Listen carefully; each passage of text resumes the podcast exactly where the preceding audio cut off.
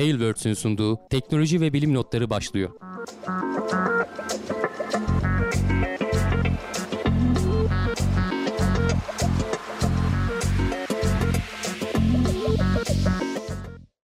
Teknoloji ve bilim notlarına hoş geldiniz. Ben Hamdi Kellecioğlu. Karşımda Volkan Ekmen var. Her hafta olduğu gibi teknoloji ve bilim dünyasından gözümüze çarpan haberlerle karşınızdayız. Nasılsın Volkan? Çok iyiyim abi teşekkür ederim. Seni sormalı sen değilsindir umarım.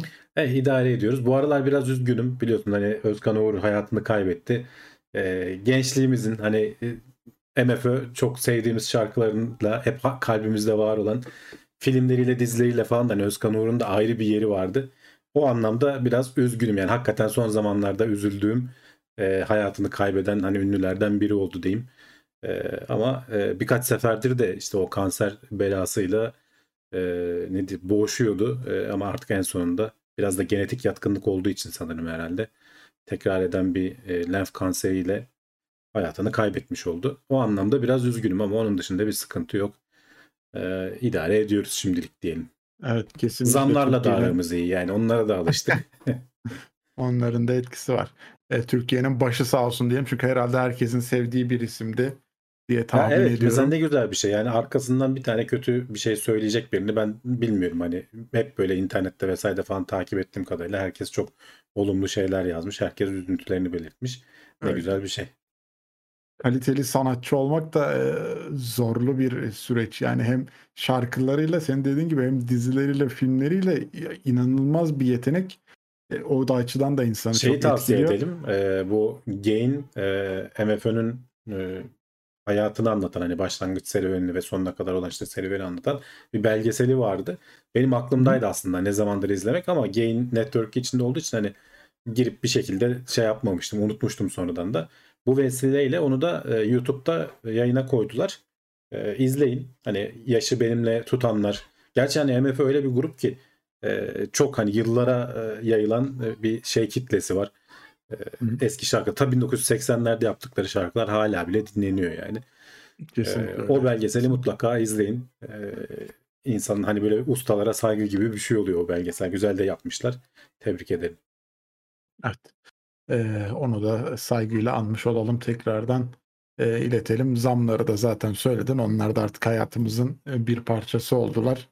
Değişmez gerçeklerimiz haline geldiler. O Evet. yüzden üstüne çok da söylenecek bir şey kalmıyor. Biz şöyle haberlerimizle başlayacağız. Gene her zaman olduğu gibi bir uzay yolculuğu yapacağız. Ardından, eee, eee, dünyanın, eee, sınırlarına doğru giriş yapacağız ve oradan insanlıkla alakalı haberlerimizi sunuyor olacağız. Şöyle hızlıca başlayalım. Ariane 5 roketi son uçuşunu da başarıyla yaptı ve emekliye ayrıldı. Evet Ariane 5 diye geçiyor. Bu e, Avrupa'nın e, ne denir e, yoğun olarak kullandığı. Arada bizim şeylerimizi de fırlattığımızı ben hatırlıyorum. Türk satlardan bazıları da Ariane roketleriyle gitmişti. E, Avrupa'nın kendi geliştirdiği roket ailesi. Daha yenisi için aslında Ariane 6'lar çıkacak diye Ariane 5'leri emekli ettiler ama 6'yı 5'in sonuna ekleyemediler. Ee, biraz daha onun e, şey olmasına tamamlanmasına zaman var.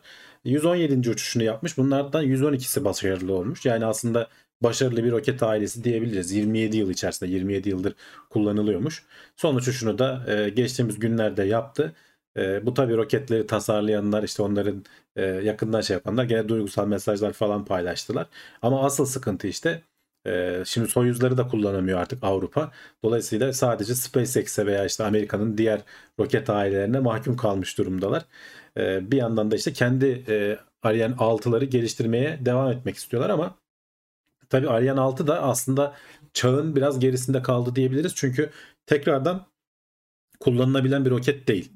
Yani dolayısıyla maliyetler yüksek oluyor. SpaceX biliyorsun birazdan onu da konuşacağız. Falcon 9'lar vızır vızır gidip geliyor. Tekrar tekrar e, dikey iniş yaptırıyorlar. Maliyetleri çok ciddi anlamda azaltıyorlar. Starship'ler gelirse zaten bambaşka bir hale gelecek uzay endüstrisi. Bunu hep konuşuyoruz. E, Ariane 6 2024'te falan işte ilk uçuşunu gerçekleştirirse o da hani gecikmeler aslında 2020'de planlanıyormuş ilk uçuşu. İşte herhalde pandemi girdi araya başka bir şeyler oldu. Tam neden gecikmeler olduğunu da açıklamıyorlar. Ee, ama işte 2024'te başlarsa 2030'lardan sonra ne olacağı yani doğru düzgün bir yol çizmedik kendimize diyorlar. Maliyetleri falan da biraz e, göz önüne alarak bunu söylüyor sanırım ESA'nın başındaki kişi. E, ama hani sonuçta bir yandan geliştirilmeye devam ediyor. Önümüzdeki yıllarda bu Ariane 5'lerin yerine geçecek 6'yı göreceğiz. Bu arada hani Ariane 5 hatırlarsan geçen sene bu zamanlarda e, James Webb Uzay Teleskobu'nu uzaya gönderen araçtı. Dolayısıyla hani güvenilirliği falan dört dörtlük olan araçlardan bir tanesiydi. Ömrünün sonuna geldiği için kaldırıldı. Yani hani aslında şey değil. Maliyetler de muhtemelen artık kurtarılmıyor, kurtarmıyordu. Şu an için Avrupa e, kendi uydularını göndermek için SpaceX'in Falcon 9'larını kullanmaya devam edecek. E, Zaten daha birkaç hafta önce konuşmuştuk. Gene ESA'nın bir görevi biliyorsun Soyuz'da araları Ruslarla bozulduğu için Soyuz'u kullanamadıklarından Öklit göreviydi galiba. SpaceX'in çok kısa bir süre içerisinde SpaceX hızlı bir e, araya girip e, sorunlarını çözmüştü. E, parayı verirsen zaten aslında herkese, bütün dünyaya şey yapıyor, e, hizmet sağlıyor SpaceX. Tabii ki stratejik olduğu için ülkeler kendi fırlatma sistemlerini de veya işte ülkeler bir araya gelip diyelim tek başına Avrupa e, tek bir ülke değil sonuçta bir sürü ülke bir araya geliyor. E, kendileri bu teknolojiye sahip olmak istiyorlar. Ama onda bir maliyeti var işte yani şimdi Amerika'nın avantajı hem çok uzaya araç gönderiyor hem de birden fazla firmayı bütün dünyaya hizmet vererek bunu bir ekonomi haline getirdiğinden geliştirmeyi de yapabiliyor E, ve bunu satabiliyor. E, e, burada bir adım öne geçmiş oluyor. Bir de ürünleri gerçekten şey çalışıyor yani Falcon 9'lar artık gerçekten kendini kanıtlamış durumda. Hani 27 yılda 117 uçuş yapıyor dedik. Falcon 9'lar neredeyse bir yılda o kadar uçuşu yakalıyorlar yani. 27 yıl değil bir yılda 100, 100'e yaklaşıyorlar. Belki bu sene geçecekler bile. E, o anlamda e, biraz aslında teknolojik bir fark olmuş oldu. E, şeyin Atlantik'in iki yakası arasında diyelim. Ya peki e, sence bu işleri böyle özel firmalara bırakmak artık günümüz çağında daha mantıklı değil mi? Yani hani tam ne, her ne kadar kendi teknolojine sahip olmak istesen de bunlarda ayıracağın bütçeyi başka kaynaklara da ayırabilirsin aslında. Ya Ariane de Ee, aslında özel bir firma. Hani devletler destekliyor. Belki hani sahibi hı. hisseleri devletlere ait olabilir ama sonuçta özel firma gibi çalışıyorlardı. SpaceX biraz daha hani ekstra özel. Hani tamamen sahibi de e, Elon Musk. E, dolayısıyla mentalitesi de öyle. Hani olabildiğince çok deneyelim. Patlasa da çatlasa da oradan bir şey öğreniriz. E, hayata geçiririz şeklinde bir mentaliteyle olaya yaklaştıkları için hızlı ilerleyebildiler. E, ama zaten ekonomi bunu zorluyor. Yani artık senin dediğin gibi hani sonuçta sen kendin roketini 85 milyon 100 milyon dolara fırlatıyorsan aynı işi SpaceX 50'ye yapıyorsa e, iki katı kimse vermek istemez yani. Ne kadar sen kendin tasarlamış da olsa. Ha stratejikse devletler belki destekler bastırır. Hani bu teknolojiyi unutmayalım. Çünkü kullanmadıkça da unutuyorsun. Adam yetiştirmiyorsun. Oradan insanlar, mühendisler gelişmiyor. E, bir süre sonra hani kullanılmayan organ nasıl yok oluyorsa aynı şey burada da oluyor. Köreliyorsun o anlamda. E, ama Hı hı. tabii ekonomide çok ciddi e, itici güçlerden bir tanesi. Ya devletler bunu zorla yapacak. Kaybolmasın bu teknoloji diye. Ya da e, bunu stratejik olarak düşünmekten vazgeçip e, ucuz olanı kullanacaklar. Peki e, şey Mesela mi Türkiye de sence- kendi Hı. sistemini geliştiriyor ama e, biz o büyüklükte sistemler peşine düşmüyoruz. Çünkü maliyetleri çok yüksek. Biz hani daha küçük çaplı sadece kendimize yetecek kadar büyük çaplı bir şey göndermek istediğimiz zaman işte o Göktürk'tü, TürkSat'tı falan. O zaman SpaceX'in kapısını biz de çalıyoruz. Ha, dünyada da tek Amerika yok. Hani Amerika ile aran bozulsa işte Rusların aracı var. Ruslarla aran bozulsa Çinlilerin var. Onlarla bozulsa Japonların var, Hintlilerin var. Hani bir yerlerden Pek bir birilerini yere de bağlı bulursun. değilsin. Değilsin evet. Ama hani Türkiye'de mesela roket motoru geliştirilirken farklı teknolojiler kullanılarak geliştirilmeye çalışıyor diye de altını E çizmiştik işte aslında. Aynısı. Şimdi SpaceX çok artık oturmuş bir teknoloji. Onunla re- rekabet etmen e, çok zor. Avrupa olarak hani topluca bile rekabet edemeyecek adamlar onu konuşuyoruz. Türkiye olarak zaten edemezsin. O yüzden boşlukları doldurmaya çalışıyorsun sen de. Ee, peki yani mesela bu, bu Ariane 6 roketi e, tekrar yeniden kullanılamayan olarak geliştiriliyor dedik ya. Hı hı. Bence böyle bir teknolojiye gene işte böyle bütçe ayırıp bunu geliştirmek mi mantıklı yoksa defterin üstünü çizip yeni bir sayfa açıp Ya bütçeyi çoktan ayırdılar. ileride. Bütçeyi çoktan ayırdılar. Artık hani son aşamalarına geldi. Bence onu tamamlarlar. Ee, hani üzerine çok daha fazla yatırım yaparlar mı onu bilmiyorum ama bütçeyi çoktan ayırdıkları için o onun fırlatıldığını görürüz yani önümüzdeki yıllarda. Görürüz diyorsun. Yıllardır tamam, çünkü bakalım. geliştirilen bir şey. Yani bu şimdi başlayacakları bir şey değil. Yıllardır gelişiyor. Sadece ucu ucuna ekleyemediler. O da ilginç. Ee, evet. Tote 22-22 bir soru sormuş. İyi yayınlar demiş. 7 yaşındaki oğlum ile gökyüzünü izleyebileceğim başlangıç seviyesinde bir teleskop öneriniz var mı demiş.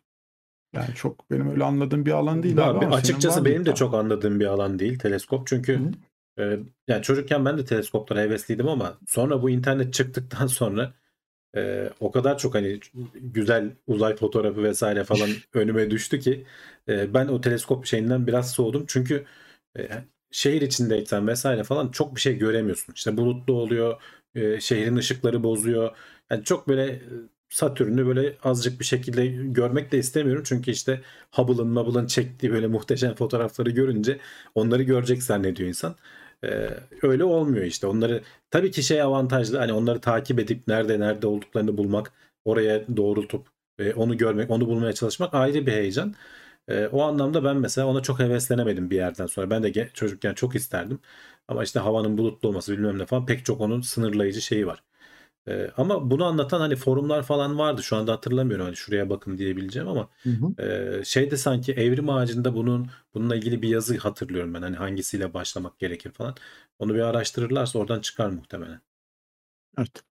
E, 10 aydır da üyeymiş bu arada. Teknosfer Plus grubuna gelmiş. Teşekkür ederiz kendisine. Teleskop benim küçüklüğümde kullandığım, babamın aldığı çok böyle sevdiğim bir aletti. E, tadı çok ayrı ya aslında. Hani varsa imkan çocuklara aşılamada bence güzel bir yöntem. E, bütçede varsa kesinlikle tavsiye ederim ama işte hani hangileri iyidir şu an açıkçası o alandan biraz uzaklaştığım için bir tavsiyede bulunamıyorum. E, Serhat 22 liralık bir destekte bulunmuş. E, halter göndermiş bize. Çok sağ olsun. Burak Şehitoğlu e, gene 22 liralık bir destekte bulunmuş. O da bize kedi göndermiş. Ona da çok teşekkür ederiz. Bak Ee, Hanoğlu demiş ki etkinliklere katılırsanız daha sağlıklı olur demiş. Herhalde bu teleskopla gökyüzü gözlem şenlikleri vesaireler falan oluyor. Ee, onlardan bahsediyor. Evet yani en azından oralardan tecrübelilerden bir şeyler öğrenebilirsiniz. Ee, çünkü o kadar Hı hı. da kolay şeyler değil. Ee, tabii ki internette hani kaynak sınırsız. Bol miktarda şey var artık eskisi gibi değil. Ee, oralardan bir şeyler çıkarmak kolay. Ama e, bu şenliklere gidilip katılıp oralardan belki hani hazır zaten teleskop falan da kuruyorlar. Hani bakmana vesaire falan da izin veriyorlar. E, bak Ethem Hoca ile gökyüzü gözlem etkinlikleri demiş. Başkaları da var.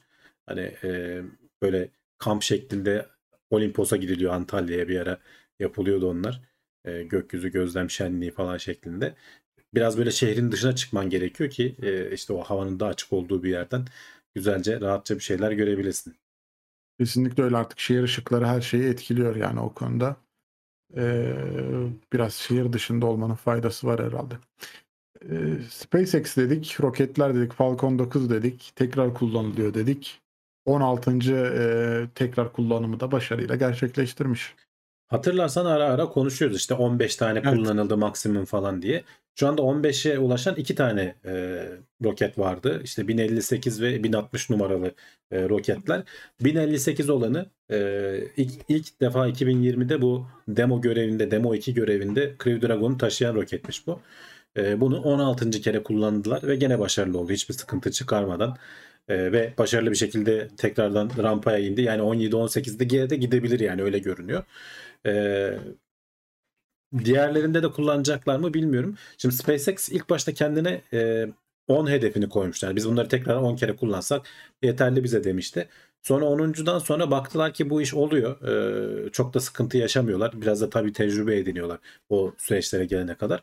15'i zorladılar. 15'e ulaşan işte birkaç tane e, roket oldu. E şimdi belki 20'ye hedefliyorlar. Hani net bir hedef koymuş değiller kendilerine ama tabii ki burada e, bu tarz böyle deneysel, nispeten deneysel olanlarda kendi Starlink uydularını fırlatmışlar. Hani burada Starlink'in versiyon 1.5 mu diyelim hani bu e, ilk versiyonları değil de ama ikinci versiyonları da değil. E, Falcon 9'a sığan e, biraz büyütülmüş hallerinden 20 küsür tane gönderdiler gene.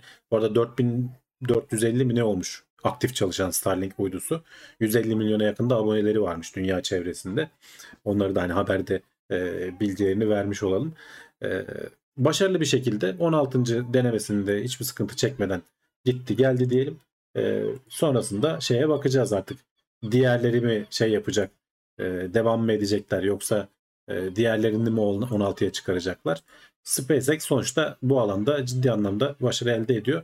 Hani aletin üzerine bakarsan şöyle bir şey de var. E, o simsiyah şeyden beyaz olması gereken şey simsiyah hale geliyor. Bu tek bir fırlatmada.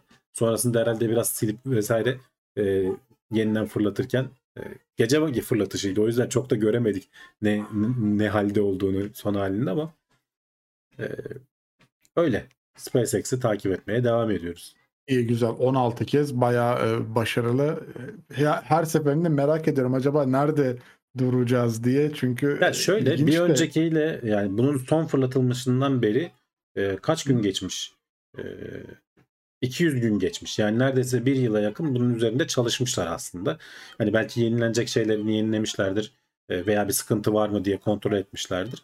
Emin olduktan sonra muhtemelen tekrar fırlatmaya izin veriyorlar. Yani öyle çok körlemesine ya deneyelim 16'da oluyor mu? Oluyor falan. Sonuçta hani üzerinde 22 tane mi ne işte e, V2 mini uydusu gönderiyorsun. değerli yük var evet. E tabi milyonlarca dolar ediyor onlar yani hani öyle rastgele de gönderilmez. 200 gün boyunca kontrollerden geçmiş. Hani bu 200 günde dolu dolu değildir tabii ki hani kontrol edilip sonra bir kenara ayrılmıştır. Uygun bir zaman bekliyorlardır. Ee, ama işte plana bağlı bir şekilde, düzgün bir şekilde SpaceX işini gayet güzel yapıyor görünüyor. Çok güzel ya. Ee, diyecek fazla da bir şey yok. İşlerini Evet. layıkıyla yapıyorlar şimdilik.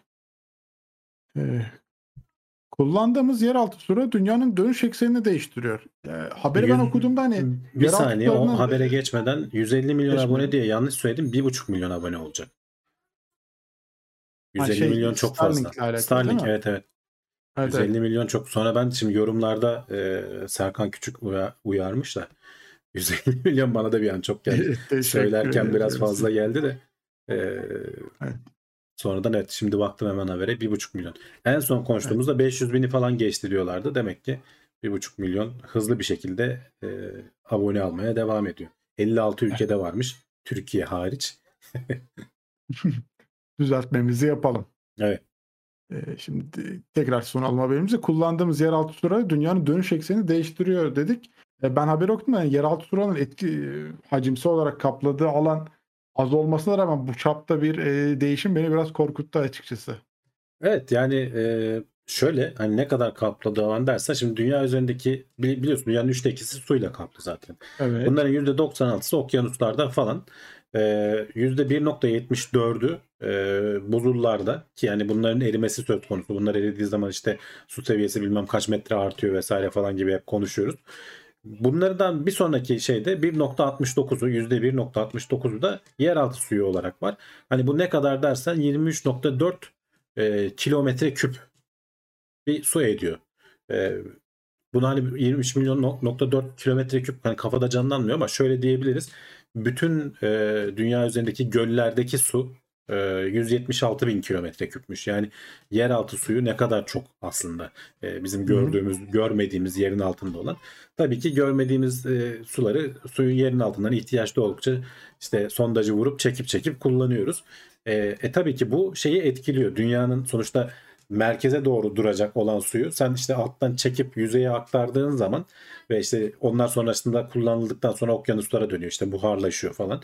E, dünyanın dönüşünü hani şeyini de bozuyorsun o sanki hani hep şey örneğin verirler ya e, kollarını kapattığı zaman dönen e, balerin kollarını açtığı zaman yavaş dönmeye başlar işte açısal hızın korunumuyla alakalı.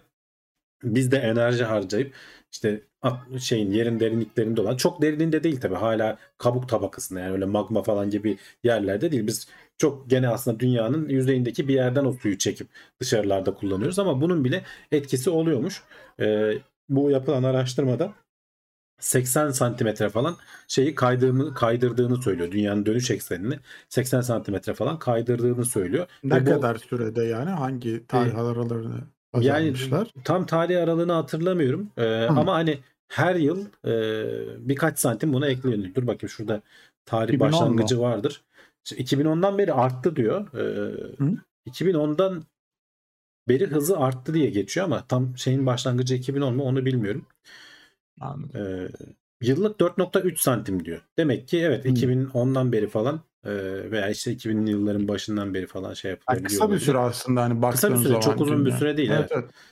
Ee, ve sadece o da değil e, deniz seviyesini de arttırıyoruz. 6.24 milimetre. Yani çok az bir Hı hı. miktar arttırıyor aslında bizim yeraltı sularını çekip kullanmamız. Ee, şeyleri erittiğimiz zaman işte bir metre falan yükselecek deniyor işte bu e, ne denir? Buzullar eridiği zaman metre seviyesinde bir şeyin yükselmesi bekleniyor. E bu yeraltı sularını şu an bizim kullanımımızda ihtiyaç doğdukça tabii hani nüfus arttıkça işte su kıtlaştıkça yerin altından alıp alıp kullanıyoruz. Tabii ki gene sızan sular yerin altına doğru yavaş yavaş inmeye devam ediyorlar ama işte onun e, hızı bizim çekme hızımızdan daha yavaş. Dolayısıyla yerine yeni, yenileyemiyoruz diyelim. E, böyle de bir durum varmış. Yani ben bu kadar etkili olabileceğini düşünmüyordum açıkçası. Hani Evet ben hacimsel olarak az Evet. olması da biraz beni şaşırttı. Hani açıkçası. 17 Hani yıl içerisinde hani 17 yıldan fazla bir süre içerisinde 2150 gigaton suyu yer altından çektik diyor. Bu da işte 6.24 milimetre deniz seviyesinde genel bütün dünyadaki deniz seviyesinden bahsediyoruz. Orayı 6.24 milimetre yükseltmiş yapılan hesaplamalara göre.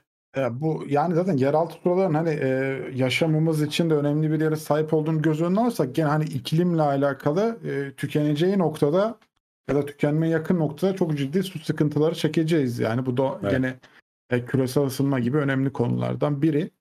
E, gündeme getirmiş olalım. Biz de kendi yorumumuzu söylemiş olalım. E, şeyde diyor zaten hani ik- i- iklim bilimciler bu konuda biraz e, daha şey yapacaktır diyor. Hani etkileşim haline geçecektir diyor. E, doğru noktaya ayak basmışlar. Ha bir şey değişecek midir? Onu sorarsan. sanmıyoruz ama hani biz hani söylüyoruz ya burada işte plastikleri atmayın kardeşim bak iklim sıcaklıklara şöyle etkisi var böyle bilmem ne etkisi var bazı olayların. sıcaklıklara dedin de hani ben haber olarak Evet. almadım artık hani geçen senelerde falan çok konuştuk ama gene sıcaklık rekorunu kırdık. Evet Ee, küresel ısınma. küresel küresel yani ortalama sıcaklıklar şimdiye kadar İki gün ölçenlerin üste. iki gün üst üste kırıldı. Önümüzdeki günlerde de her yere aşırı sıcaklar geliyor. Herkes yani kendine mukayyet olsun. Çarşambadan itibaren Evet, baya baya ısınacak diyorlar. Evet öyle. Şimdi Nobel ödülünden bir haberimiz var. Ee, aslında Nobel ödülü almanın istenmeyen bir yan etkisi de varmış. Evet. Tembelliğe itiyor bilim insanlarını diyelim. Öyle mi değil mi Artık bilmiyoruz aldık ama. kardeşim jübilemizi yapalım mı Evet diyorlar. yani sanki hani ulaşılması o gereken bir hedefmiş de onu aldıktan sonra yatışa geçiyorlar gibi bir durum oluşuyor aslında. Hani en azından böyle bir ilişki bulunmuş. O anlama neden olduğu ile ilgili daha fazla araştırma yapılması gerekiyor ama muhtemelen hani e, Nobel Tıp Ödülünü alanlar üzerinde yapılmış bu araştırma. 1950 ile 2009 arasındaki e, ödül alanların ne kadar makale yayınladıklarına bakmışlar. Hani öncesinde ne kadar yayınlıyordu, ödül aldıktan sonra ne kadar yayınlıyor diye ve bunu da gene başka bir yani bilim ödülü Lasker Award denilen e, Lasker ödülü bu da Amerikalıların Nobel'i deniyor. Gene bir e, hayırseverin işte para ödülü falan gibi yani Nobel kadar çok bilinmese de e, onu alanlarla göre karşılaştırmışlar. Onu alanlarda da bir miktar düşüş oluyor ama Nobel ödülü alanlarda daha fazla düşüş oluyor. E, dolayısıyla hani bunun sebepleri ne dersen işte bir kere Nobel ödülü aldığın zaman biraz böyle e, ne denir bilim elçisi kıvamına geliyorsun. Hani biraz daha araştırmalarından çok seni işte sağa sola çok konuşmalara çağırmaya başlıyorlar. Oralara gidip oralarda zaman kaybediyorsun. Biraz da şeyin etkisi de vardır mutlaka. Hani e, ulaşılması gereken en son hedefe ulaşmışsın da artık biraz bir rahatlamışsın gibi bir etki de oluşuyordur. Biraz da yaşlı ilerleyen yaşlarda falan genelde hani çok genç alanlar da oluyor ama genelde yaşlı biraz ilerlemiş oluyor insanların. E, bunların hepsi bir araya katılınca demek ki böyle bir etki çıkıyor. Tam olarak sebebi bilinmiyor neden olduğu ama yapılan araştırmalar böyle bir eğilim oldu, böyle bir örüntü olduğunu ortaya çıkarmış. E, bu tabii dediğim gibi sadece tıp ödülünde e, bunu yapmışlar. Hani diğer fizik, kimya vesaire diğer ödüllerde de aynı şey söz konusu mu? Bilim bu haberde bahsetmiyor ama muhtemelen benzer şeyler söz konusudur diye ben tahmin ediyorum. Ee, tembelliğe itmesi ilginç bir konu gene gerçekten. Ee, şey de hani acaba genç yaşta birilerinde bu ödülle etkileşim olsa gene aynı etkiyi mi gözlemleyeceğiz? Orada merak ettiğim sorulardan biri oldu ama Yani ben herhalde- gene iyimser düşünüyorum dediğim gibi tembelliğe ittiğinden değil de bence hani şeyleri öncelikleri değişiyor. Yani seni daha çok işte konuşmacı olarak sağa sola daha çok çağırıyorlar. Ee, biraz daha artık bilimi yayma misyonuna doğru yöneliyorsun. Çünkü yani sonuçta o Hmm. ödülü almış bir kişi olarak bilimi yapma değil de yayma misyonuna doğru yöneliyorsun diye daha böyle iyimser bir bakış açısıyla bakıyorum ben. olabilir evet. E, Mete Karabıçak demiş adam Nobel'i almış bir salın artık değil mi? Dünyaya bir katkıda bulunmuş yani daha ne Değil mi yani? istiyorsunuz? Sömür, sömürmeye gerek var mı diye ama hani öyle olsa belki de gelişimler çok yavaşlar olurdu ya. Bilim, bilim adamları bir tane bir şey bulup acaba bırakıyorlar Ya mı zaten ama şöyle- birkaç tane projede mi çalışıyorlar? birkaç yani şöyle bilim insanları hani bu tarz ödülleri alacak kadar zaten hani konulara e, kendini adamış insanlar bu ödülün parasında vesairesinde falan değiller. Biraz da dediğim Hı gibi hani yaşlanmış oluyorlar. E, ödülünü almış oluyor. Zaten aldığı ödülü de belki yıllar önce yaptığı bir araştırmadan dolayı almış oluyor. Yani ödül hemen verilen bir şey değil çünkü. E, bazen hatta can- hayattayken çünkü hayatta olanlara veriliyor bu ödül sadece. Hayattayken yetişmiyor. O yüzden alamıyorlar mesela aslında alacakken bu ödülü alamayanlar da oluyor. Dolayısıyla hani e, şey değildir hani tamam ya ödülü de aldık yatalım değildir. E, biraz daha yaşlarının ilerlemesi, sağa sola konuşmaya falan çağrılması bence öyledir. Ama tabii hani olabilir. clickbait başlık atabilmek için şey söyleyeceğiz yani hani tembelliğe itiyor mu Nobel ödülü diye. öyle öyle. Devam ediyoruz bakalım sıradaki haberimize. Ee, ülkeler tarafından resmi olarak duyurulan kimyasal silahların hepsi tamamen yok edildi ama burada hani önemli olan resmi olarak duyurulan herhalde. Evet onu özellikle Evet. ekledim. Hani şimdi evet e, Ha. ülkelerin rapor ettiği kimyasal silahlar biliyorsun çok başa bela insanlık dışı şeyler. Yani bunu biz e, Birinci Dünya Savaşı'nda çok yaşamışız. İkinci Dünya Savaşı'nda o kadar fazla kullanılmamış hani savaş alanında en azından. Çünkü Birinci Dünya Savaşı'nda hani bundan dolayı ölen doğrudan 100 bin kişi olduğu söyleniyor. Daha çok bu e, klor gazı falan işte oralarda çok kullanılmış. E, hatta bununla ilgili işte filmler var, bilgisayar oyunları var. Şimdi adını hatırlayamadım o. E, bizde TeknoSeyir'de incelemesi bile vardı. E, arkadaşlar yazarlar. E, biraz bu Birinci Dünya Savaşı'nı anlatan bir oyundu. E, orada böyle işte kimyasal silahların kullanılmasından falan bahsediyordu. Hani insanlık bunun ne kadar hani kötü bir şey olduğunu gördükten sonra e, İkinci Dünya Savaşı'nda o kadar çok kullanılmıyor ama ondan sonra Soğuk Savaş döneminde tonlarca ülkeler e, bunlardan üretip üretip biriktiriyorlar. Hani bu sinir gazı falan dediğimiz o işte e, hardal gazı var, sarin gazı var. Yani bunlar saniyeler içerisinde soluduğun zaman seni felç ediyor doğru düzgün. Yani böyle çok kötü bir şekilde hayatını kaybediyorsun. Hala kullanılmaya devam edilen yerler var ama bunlar tek tük işte mesela Suriye'de e, Esad kendi işte siviller üzerinde kullandığı bu gazların bazılarını e, işte ne bileyim e, Güney e, Kuzey Kore'de e, kullanıldığı söyleniyor. E, dolayısıyla hani bunların ama sonuçta ülkeler de hani e, devletler de şey imzaladılar bu e, silahların kaldırılmasına yönelik. E, en son ama en son kaldıran Amerika olmuş. İlk hani e, bu şeye biz 1997 yılında Bill Clinton biz bu işe liderlik etmeliyiz deyip e, bu işin önünü açıyor e, eldeki silahların kaldırılmasını. Ama en son hani son 8 devletten sonuncusu da Amerika ol- olmuş. O da geçtiğimiz haftalarda işte bunu e, tamamen ellerindeki tonlarca olan o sarin gazını kaldırmışlar. Şimdi biraz sıkıntılı da bir şey. Üretmek ayrı bir dert. Ürettikten sonra saklamak ayrı bir dert. Yok etmek ayrı Yok bir dert. etmek ayrı bir de. Çünkü aletler yani sonuçta patlayıcı. içerisinde kimyasal silah var. Hani bir şekilde yanlışlıkla yok edeceğim derken patlatsan başına bela.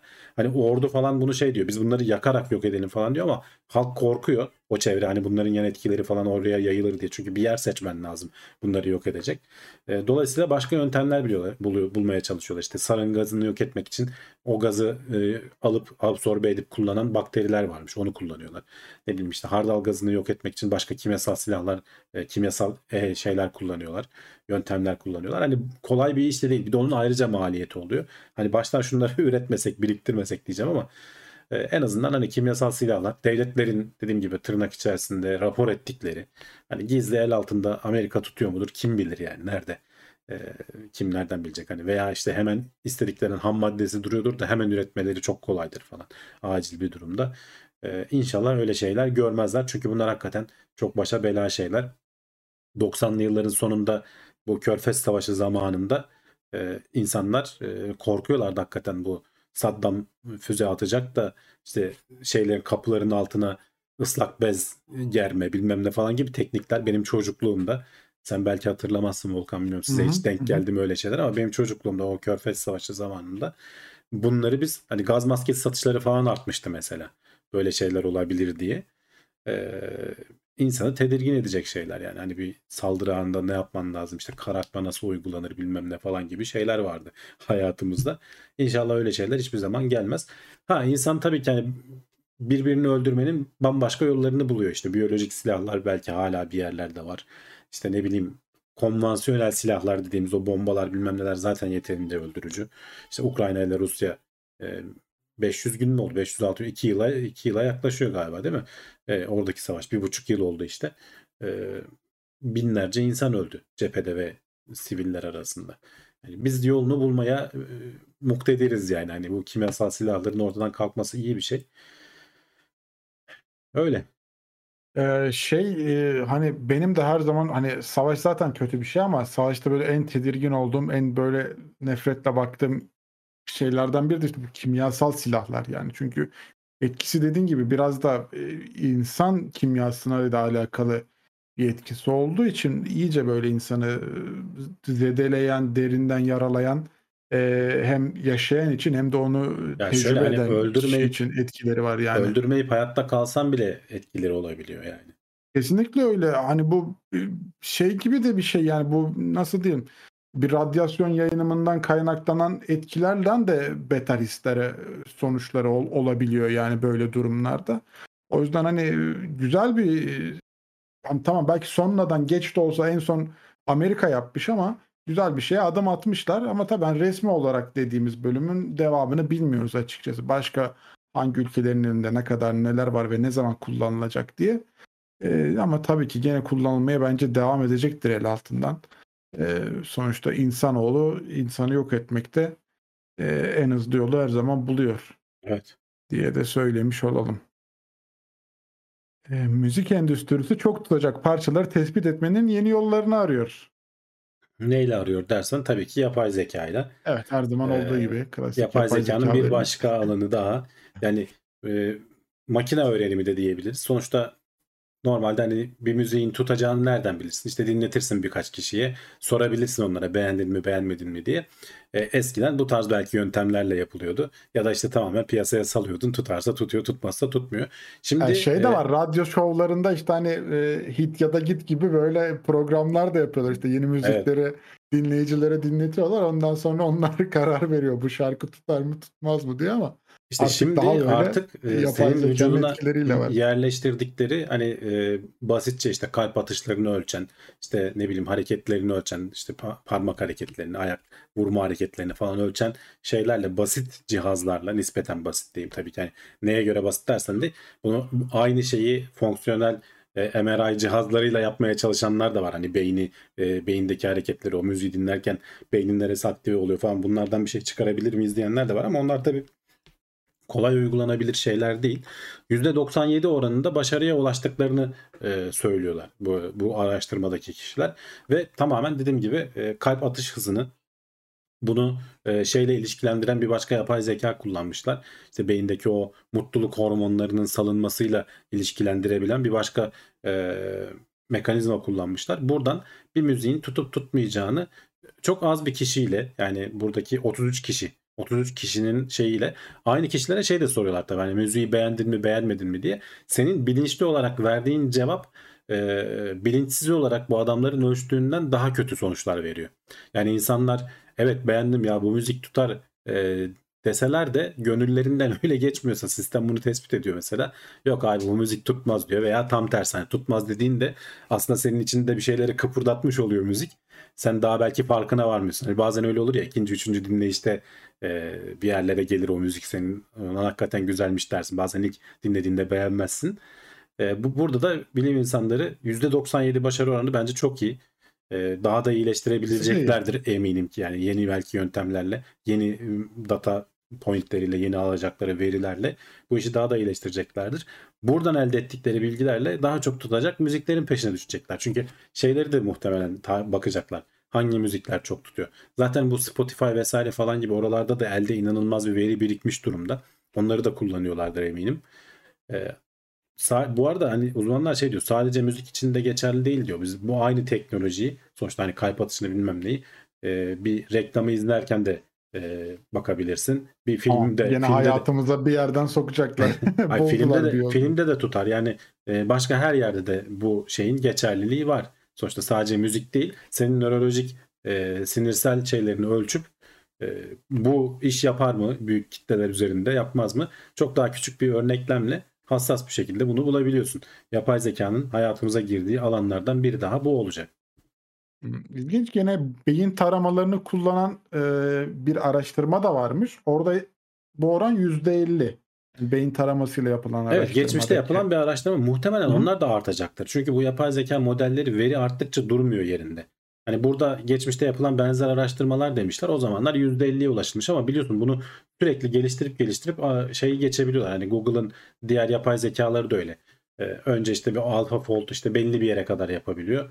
Ee, ama bir yerden sonra e, o threshold'u belirlenen eşik seviyesinin çok çok üzerine çıkabiliyor. Bu %50 de geçmişte kaldığı içindir bence. O çünkü beyindeki sonuçta şeyleri de ölçmek. Onun problemi pratik olmaması. Yani o aletin içerisine adamı sokacaksın da müzik dinleteceksin de falan. Şimdi burada zaten giyilebilir bir şey. Belki takıyorsun. Birkaç tane de parmak ucuna falan belki bir sensör takıyorsun. Ee, adam O kadar. onları ölçüyor geçiyor yani. Peki Ve %97 ileride hassasiyet verirse hadi ya da bu da ileride %99 %99.9 falan olursa e, daha ne zaten MRI ile falan kim uğraşacak?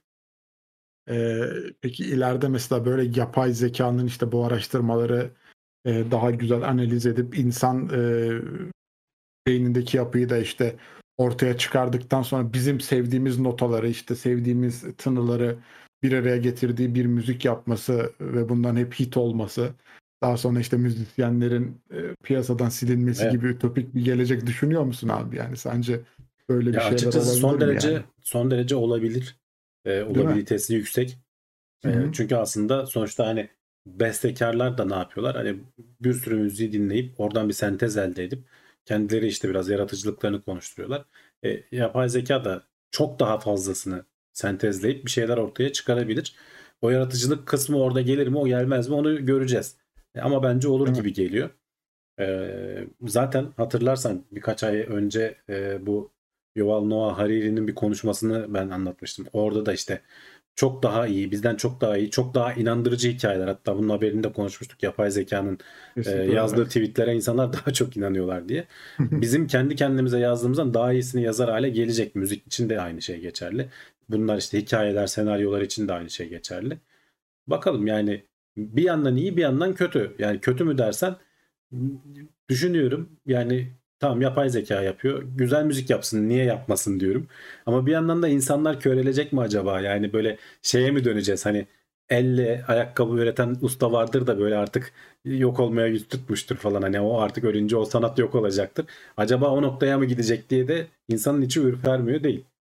Evet yani bir de ben şeyi de merak ediyorum. Acaba mesela böyle e, güzel içeriğe hızlı ulaşmak e, bir yerde tatmin duyumuzu olumsuz yönde etkiler mi acaba diye aklımda soru Etkiliyor. işaretleri var. Etkiliyor Hani kesinlikle. sürekli güzel müzik dinliyorsun. Yani o kadar yapay zeka o kadar güzel müzik yapıyor ki artık e, İşte o belki işte o zaman başlıyor. evet o sana kötü gelmeye başlayacak. Belki o mesela bizi mutsuz edecek başka şeyler arayacağız o zaman. Kötü müzik arayacağız. İnsan ona göre evrimleşecek mi diyorsun? Yani farklı farklı çıkış noktaları mı arayacağız? Bilemiyorum yani o beni de korkutan noktalardan biri. Çünkü hani mesela görsel olarak da ya vay be dediğimiz eserler çıkarıyor ya böyle hani Mid Journey'de falan çizilen eserler. Vay be ya nasıl bir şey yapmış adam diyoruz. Evet Ama evet. bir süre sonra onu çok gördüğü zaman ya artık bunlar çok yapıldı dediğimiz doyum noktasına çok mu hızlı ulaşıyoruz acaba İşte diye. yaratıcılık kısmı orada zaten. Hani e, Değil mi? eğer onu da çözebilirlerse e, o zaman zaten yapay zeka onu da anlayacak lan. Bundan çok verdik. Bunu değiştirelim. Bir adım farklı bir şey yapalım noktasına. Olabilir. O, oraya da gelirse tamam zaten iş. Ya da işte mesela ileride e, dördüncü nesil yapay zekanın yaptığı şu müzik vardı ya çok güzeldi dediğimiz ve tekrar işte dördüncü nesil yapay zeka yani 90'lar gibi dördüncü nesil yapay zeka e, ezgilerinden oluşan eserleri mi dinliyor olacağız acaba? Ütopik bir gelecekte. İlginç sorular. Ender Bulut demiş ki neden doğrudan parçaların tutmayacağını tahmin etmiyorlar ki daha önce tutan tutmayan parçalar öğretilse. Onun üzerine de çalışan vardır. Bunun üzerine de çalışan var. Yani geçmişte tutan parçaları verip onları analiz edip oradaki bir şeyden oluşup yeni parçaların tutup tutmayacağına karar vermeye çalışan yapay zeka modelleri de var. O da bir veri ama işte tutacak olan parçaların insanlar üzerinde bıraktığı etkiyi oradaki veriyi işleyip bir şey bulmaya çalışanlar da var. Bu da bir veri yani ikisi de vardır. Öyle. Emin Yaren demiş ki güzellik tartışmalı bir şey. Yani oraya kesinlikle bir şey demiyorum ama genel olarak hani burada mesela de tutacak bir hit şarkıyı %97 olasılıkla biliyor. Yani bu da belli bir kesime hitap ediyor demek. Ee, o yüzden bence önemli bir ayrıntı ve araştırma Bak, diye söylemiş. Ömer T demiş ki eskiden kasetlerimiz vardı ve sanki daha keyifli dinliyorduk müziği. Evet yani biraz daha zor ulaşılır olunca müzik biraz daha keyifliydi. Yani onu bulduğun zaman daha bir mutlu ediyordu seni. Sonra MP3 çıktı. Ben de onu o, o hissi ben bizzat yaşadığım için biliyorum. Yani MP3 çıktığı zaman onun değeri azaldı. Çok daha kolay ulaşılabilir hale geldi müzikler. Ee, ve o müzikler için hani çabaladığın, uğraştığın değeri azaldı gibi geliyor bana. Ee, öyle ama mesela bunu aran, her aranda e, yaşamadık mı? Mesela eskiden hani bir kaset, bir sanatçının kasetini aldığın zaman atıyorum o sanatçının işte 10 tane şarkısı oluyordu içinde. Yani onu da artık senin o dinlediğin şarkılar arasındaydı. Hepsini dinlemek istiyordun. Çünkü elinde belli bir kısıtlı imkan vardı. Tabii. Sana güzel geliyordu. Ya da işte ne bileyim hani korsandan indirdiğin bir oyunda bile internet hızın yavaş olduğu için onu indirmeye harcadığın emeğin sonunda oyundan çok daha fazla keyif aldığını düşünüyorum ben. Oyun çok ne kadar kötü olursa olsun. Ama şimdi elimizde 1000 megabit hızlar var. Steam'den giriyorsun bir oyuna basıyorsun. 2 dakika oynuyorsun. Ya bu olmamış kardeşim deyip e, adamın yaptığı bütün emeği atıyorsun, siliyorsun, geçiyorsun mesela. E, hani bu da işte diyorum ya bir şeylere ulaşmanın hızlı olması bizim de onları çok hızlı tükettiğimiz manasına geliyor. İlginç bir noktaya gidiyor bu işler Evet. diye düşünüyorum açıkçası. E, devam edelim. Sıradaki haber şu haberi atlamayalım. Evet, araştırmacılar basit bir yapay hücrelerin e, şey basit yapay hücrelerin daha çok e, daha hızlı evrimleştiğini tespit etmişler. Evet yani basit yapay hücre dersen ne dersen aslında doğada olan ve nispeten basit olan hani bu e, bir keçinin bağırsağında yetişen bir bakteriymiş. Oraya aşırı uyum sağladığı için de pek çok özelliğini atmış bünyesinden. Sadece 901 geni, geni varmış bu bakterinin. Bunun da %41'ini iyice elemişler. Hani ihtiyacı olmayacak her şeyi atmış şeyler. Ve sadece 493 gen kalacak kadar. Bu da hani sadece belli seviyede yaşamasına izin veriyor. Ee, son derece yapay, tek hücreli bir bakteri üretmiş araştırmacılar. Sonra da bu bakterileri 300 gün boyunca yani yaklaşık 2000 nesil boyunca üremeye bırakmışlar. Şeyi görmek istiyorlar. Çok az bir gen varken bile e, evrim gerçekleşecek mi, gerçekleşmeyecek mi nesiller geçtikçe ve e, normalde e, şimdi canlı kompleksleştikçe evrim e, oranı düşüyor diyorlar. Çünkü daha fazla hücre olduğu zaman, daha fazla şey olduğu zaman ne denir? Gen olduğu zaman şey oranı düşüyormuş. Evrimleşme oranı düşüyormuş. Çok daha basitleştiği için e, bu şeyin e, kaç %30 mu %39 mu ne daha hızlı evrimleştiği gözlemlenmiş. Şurada rakam vardı onu bulabilirsem. Bakalım. Tam okuduğum şeyi hatırlayamıyorum. %39 evet bak şurada okumuştum. %39 daha e, bu yeni oluşturdukları basit canlının e, 300 gün sonra yani yaklaşık 2000 nesil sonra %39 daha hızlı e, normal şeye göre daha hızlı evrimleştiği tespit edilmiş. Sonradan bu canlıyı alıp şeye koymuşlar. Gene kendi basit canlının evrimleşmemiş haline koymuşlar. Aynı ortama yerleştirmişler ve evrimleşen canlının bir süre sonra hani ortamda yayılıp en fazla baskın tür olmaya çalışıyor ya e, besinleri tüketmezsen E, bu e, 300 gün boyunca evrimleşen e, bakterinin e, ötekinin üzerine çıktığı ve baskın tür olduğu e, gözlemlenmiş. Yani diyorlar ki günün sonunda ne kadar basit bir tür olursa olsun hayat bir şekilde yolunu buluyor. Evrimsel mekanizmalar hemen tetiklenip çok kısa bir süre içerisinde canlıyı belli bir yere getirebilecek hale geliyorlar. Yani bu da son derece ilginç deneylerden bir tanesi. Yani adamlar yapay suni bir bakteri haline getiriyorlar çok küçük bir canlıyı. Onun işte çalışma gerek ihtiyaç duymayacağı bütün genlerini ortadan kaldırıp sonra evrimleşmeye bırakıp oluyor mu olmuyor mu onu kontrol eder ve daha hızlı olduğunu görüyorlar. Yani bu iş e, hayatın hani bir yerden tetiklenecek bir mekanizması olduktan sonra buradan hani o sonucu çıkarabiliriz. Çok hızlı bir şekilde evrimleşip şu an günümüzde gördüğümüz bambaşka canlıları oluşturabilecek boyuta gelebiliyor. 300 günden bahsediyorum burada. Yani 300 günde bu şey bu hale geliyor. Milyarlarca sene olursa önünde işte bizim günümüzde yaşadığımız e, çeşitliliğe ulaşabiliyorsun çok hızlı bir şekilde. Evet, ilginç araştırmalardan biriydi yine. Ee, kral kelebeklerin kanatlarındaki beyaz benekler daha uzağa uçmalarını sağlıyor olabilir diye bir iddia atmış bir araştırma grubu. Ee, kelebek yani bunu- araştıranlar da biraz şey yapmışlar. Evet Vay yani olabilir mi öyle bir şey demişler. Şimdi şöyle e, kral kelebeğin işte fotoğrafını görüyorlar. E, bu hayvanlar ilginç çünkü yani küçücük bir kelebek ta Kanada'dan çıkıyor her sene e, Meksika'ya kadar yani yaklaşık 4000-5000 kilometre uçuyor. E, 200 gün boyunca sürüyor bu yolculuk. Garip de bir döngüleri var. e, daha alt enlemlerde aslında baş, başlıyor. E, yaz aylarına, ilkbahar aylarındaki e, doğanlar ömrü 2 hafta falan oluyor. Bunlar sadece biraz daha yukarıya üst enlemlere kadar göçüyorlar. 2 hafta içinde ölüyorlar. Yumurtlayıp ölüyorlar. Yeniden yumurtadan çıkanlar gene bir iki hafta falan böyle. Yaz bittikten sonra sonbahara doğru yeni bir döngü çoğalmayı kesiyor ve şeye kadar e, Meksika'ya kadar hayvanlar göç ediyor 200 gün boyunca. Yani her bireyler de doğuş zamanına göre yani her birey aynı değil doğuş zamanına göre farklı davranıyorlar. O da ilginç yani. Ve bir, bir bilim insanı da şey tahmin ediyor. Yani şimdi bu noktaların sebebinin e, doğada hani sinyalleme falan bu ışık şeyi e, hem e, şey için kullanılabildiğini ne denir kamuflaj için kullanılabildiğini hem bak ben zehirliyim bana bulaşma diye bu e, renklerin kullanılabildiğini biliyoruz. E, bir grup bilim insanı da diyor ki ya bu şeyler beyaz noktalar güneş ışığının farklı ısınmasını sağlayıp bu işte 4000 kilometrelik 5000 kilometrelik yolculukta bu kelebeklerin kanat çırpmasını bir miktar daha çok küçük de olsa bir verimli hale getirdiği için avantaj sağlıyor olabilir diyorlar. Bunu da boş olarak sallamıyorlar böyle sadece. Bu hayvanların yakın akrabalarına bakıyorlar. E, ama göç etmeyen yakın akrabalarına. Onlar da bu beyaz benekler bu kadar baskın değil. Bu kadar büyük benekleri yok. Onların da beyaz benekleri var ama bu kadar baskın değil. Aynı şekilde şey e, bu aynı türün farklı zamanlarda doğan e, bireyleri çok uzun yolculuklar yapmıyor demiştim. Kısa yolculuklar yapanların da türleri bu kadar şeyleri, benekleri bu kadar baskın değil. Uzun yolculuğu yapanların yarıda ölenleri var. Hani hepsi Meksika'ya ulaşamıyor. E, ortalarda bir yerlerde düşüp ölenlere denk bulmaya çalışmışlar. Onların da mesela şeyleri, benekleri o kadar değil. Yani dolayısıyla diyorlar ki bu beneklerin bir hava akımı, bir aerodinamik etkileri var. Şey de olabilir tabii ki mesela o göç sırasında işte kuşların avlanmasını falan da belki azaltıyordur bir şekilde. Kuşlara bir gözünü karıştırıyordur, bir sinyalleme yapıyordur işte ben zehirliyim falan. Onları da araştıracaklar.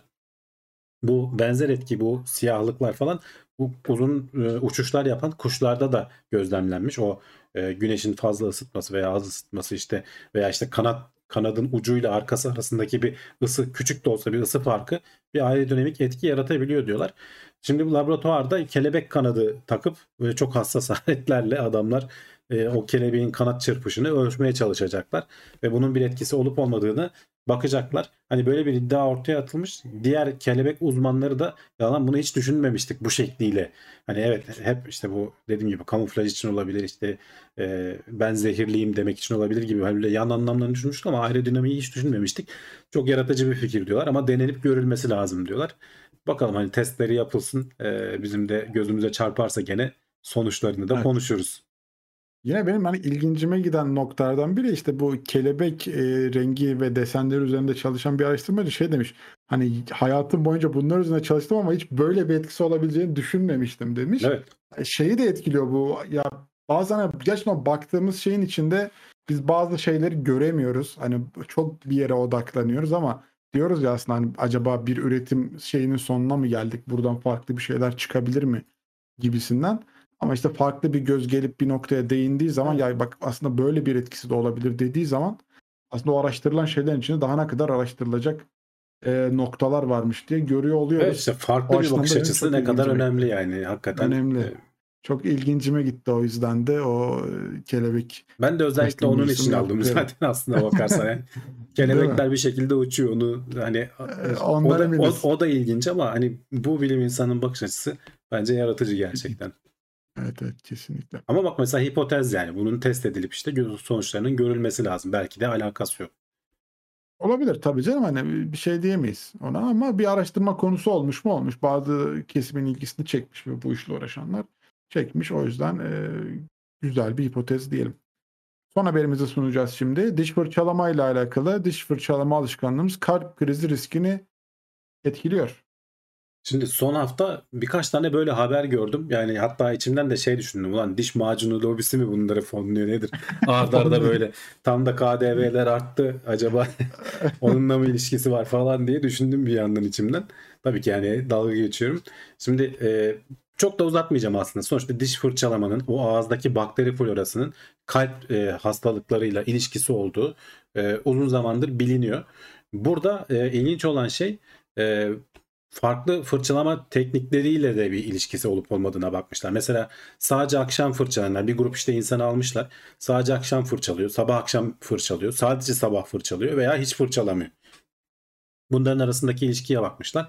Ee, sadece sabah fırçalayanlar bile yeterli gelmiyor. Çünkü aslında sonuçta uzun süre boyunca sen gece yattığında işte e, bunun tabii başka etkileri de olabilir diyorlar. Mesela gece yatarken diş fırçalamayanlara sebepleri sorulduğunda kimisi şey diyor ya ben alkol kullanıyorum zor geliyor yani o kafayla gidip diş fırçalamak falan gibi şeyler söylemişler. Başka etkileri de olabilir diyorlar yani hani bunun. Ama e, sonuçta e, uzunca bir süre hani ağzındaki o bakterileri temizlemeden yattığında onların orada çoğalıp senin işte o sonuçta tükürüğünü yuttukça e, sindirim sistemine iniyor. Oradan işte bir şekilde kalbine ulaşabiliyor. E, dolayısıyla böyle bir ilişki olduğu biliniyor. Hatta gene sırada bir haber daha var. E, ondan da kısaca bahsedeyim. Sadece kalp damar hastalıkları değil, gene bu yapılan araştırmada da e, Alzheimer'ı tetiklediği e, üzerine çalışmışlar. Burada da gene bir sürü e, şeye bakıyorlar. 172 e, kişiyi takip ediyorlar. E, diş eti hastalıkları ve diş e, kaybı sayısına falan bakıyorlar ve bununla e, Alzheimer arasında bir ilişki de buluyorlar. Yani sadece e, kalbimiz değil beynimizde. Dolayısıyla hani biz bunu bütün vücudumuzla alakalı diyebiliriz. E, ağız hijyeni o anlamda önemli. Hani sadece dişinizi kaybedeceksiniz gibi düşünmeyin. Vücudunuzun her yanını etkiliyor. Çünkü sonuçta insanın aslında bakteriyel anlamda en e, çok fazla farklı türü barındıran yeri. Hani kirli demeyeyim çünkü hani sonuçta ağzımızda ama çok farklı bakterileri barındırıyor. Onlardan bazıları vücudun başka yerlerine zarar verebiliyor. İyi bakmak lazım. Yemeklerden sonra fırçalayın özellikle diyorlar ki hani orada ağızda çok fazla şey kalmasın ne denir e, yiyecek artık kalmasın ki istenmeyen türler şey yapmasın. E, diş kontrolüne gidin diyorlar ki diş etlerinde hastalıklar varsa hani diş çürüğü yoktur belki ama diş etlerinde hastalık varsa oralarda oluşan işte bakteriler gene işte Alzheimer'ı tetikleyebiliyor. Dolayısıyla ağız hijyeninizi hani uzatmayacağım dediğim bu. Dikkat edin arkadaşlar. Bütün araştırmalarda bunu gösteriyor. E, her ne kadar e, bazen işte üşengeçliğe falan gelse de e, bu işi alışkanlık haline getirip Yani evet ağız sağlığının kalbe de etkisi olması e, Kalbe, çok beyne. ilginç bir nokta. O yüzden de biraz benim ilgincime gitti. Hani bazen diyoruz aslında sadece hani dişimi fırçalamam ne olacak çürür işte yaptırırız geçeriz ama işte bir kalp krizi riskine bile etkisi var aslında. Tabii. E, onun o yüzden onu da söylemiş olalım. Ah, Evet. Diş çürümesi ve absesi kalp krizini tetikliyor. Tabii fırçalamanın çürüme üzerine etkisi yerine kalp krizinin etkisi diye adlandırınca makale daha çok ilgi çeker. E ama öyle evet. Öyle oluyor Evet. gerek. Yani çürüme Ee, üzerine etkisi olduğu kesin zaten. Hani o diş çürüklerinin önlediği biliniyor zaten. Onu araştırmanın bir ma- manası yok. Orada şeyi araştırıyor insanlar. Hani onu o çürüklerin veya o diş eti hastalıklarının vücudun başka neresinde ne zararları var ona bakmaları ilgi çekiyor. Bu arada hani zaten hani gece e, yatmadan önce fırçalarken e, sabah uyandığınızda böyle bir daha dinç uyanmanın da e, üzerinde ve ağızdaki o kokuda e, da etkisi olduğunu düşünüyorum açıkçası. E, daha sağlıklı bir uykuya da etkisi oluyor olabilir. Yani ağza sürekli bir e, mide asidi gelmesi ve oradaki e, işte ağızdaki şeyin kırıntıların e, ayrıştırılması için uğraşılması gibi etkiler uyku kalitesini de etkiliyordur diye düşünüyorum açıkçası. Yani o yüzden yatmadan önce fırçalayıp daha rahat bir uyku çekilebilir. En Evet. azından benim kendi yaptığım gözlemlerde o yönde. Onu da eklemiş olalım. Son haberimizde ama tabii ki e, bir yere gitmiyoruz. Niye? Çünkü sırada soru cevap bölümümüz var. Oraya geçeceğiz. Ee, sohbet muhabbet devam edecek ama araya bir e, sponsor videolarını alalım. Hemen ardından buradayız. Çağdaş Balcı sormuş Andrew Huberman hakkında fikirlerinizi söyleyebilir misiniz diye. Ee, bu Stanford profesörü müydü? Yanlış hatırlamıyorsam bir YouTube kanalına falan ben denk gelmiştim. Ee, çeşitli böyle konular üzerinde podcastleri oluyor. Konukları falan da oluyor bazen. Çok ayrıntılı dinleyemedim ama hani e, söyledikleri şeyler o kadar e, saçma şeyler değil. Ama biraz da e, dikkatle yaklaşmak lazım. Çünkü biraz da böyle şey gibi hani böyle yaşam koçları gibi böyle sana sürekli böyle bir reçete yazan falan gibi bir his de aldığımı hatırlıyorum. E, ama bir bakmak lazım. Hani söylediği şeyler e, hayatına uygulayabiliyorsan hayat kaliteni arttırabilecek şeyler. Hani neler var dersen de e, işte ne bileyim daha sağlıklı nasıl kilo kaybedersin videoları da var. Ne yaparsan bilimsel anlamda anlatmaya çalışıyor her şeyi. Ama o işte o bilimsel anlamda anlattığı şeyler ne kadar gerçek onları bilemiyoruz. Evet. Volkan henüz plaj sezonunu açmadın mı? Ay parlıyorsun demişler. Yok. Güneş bana iyi etki etmiyor ya. Güneşten uzak durmaya çalışıyorum. Volkan geceleri yaşıyor vampir gibi. Yok gece çok hayatım yok. İş yerinde de çok güneş almıyor. Hani bizim mekan. Bir de ben çok öyle güneşten de Gerek oldum yok zaten. eden biri değilim ya. Ee, Deri, deriye zararlı. zararlı. Güneş kreminin faydalarını hatta uzun zaman sonra keşfettim yani. Bundan sonra böyle bir yerde açıkta kalacaksam kesinlikle güneş kremi sürüyorum ya. Gerek yok. Evet arkadaşlar Hmm. var mı haberler? Haberler, sorular. Haberler diyorum Haberler sorular. varsa anlatın. Haberleri, haberleri geçtik sorular. Haberleriniz varsa anlatın da biz bir dinleyelim bir de sizin ağzınızdan. Yorumlara yazın. Evet. Akşama doğru güneşleneceksin. Ya akşama doğru güne, güneşlenmeyeceksin aslında. Günün hiç mümkünse güneşlenme. Zaten gereki, gerektiği kadar alıyorsun. Azıcık bir şey çıksan bile günde 10-15 dakika.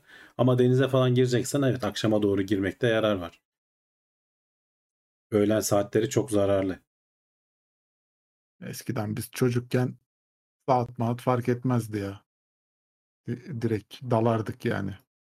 İşte Sonra böyle üçüncü derece yanıklar buralar böyle. işte onlar mesela direkt e, şey diyorlar ne yani. koysan geçmez. 30 deri kanseri riskini 20 kat 30 kat arttırıyor diyorlar genç yaşta. Yani böyle Evet. e, yanık şeyleri yaşamak. Ben de yaşadım yani. Ben de yaptım o hataları.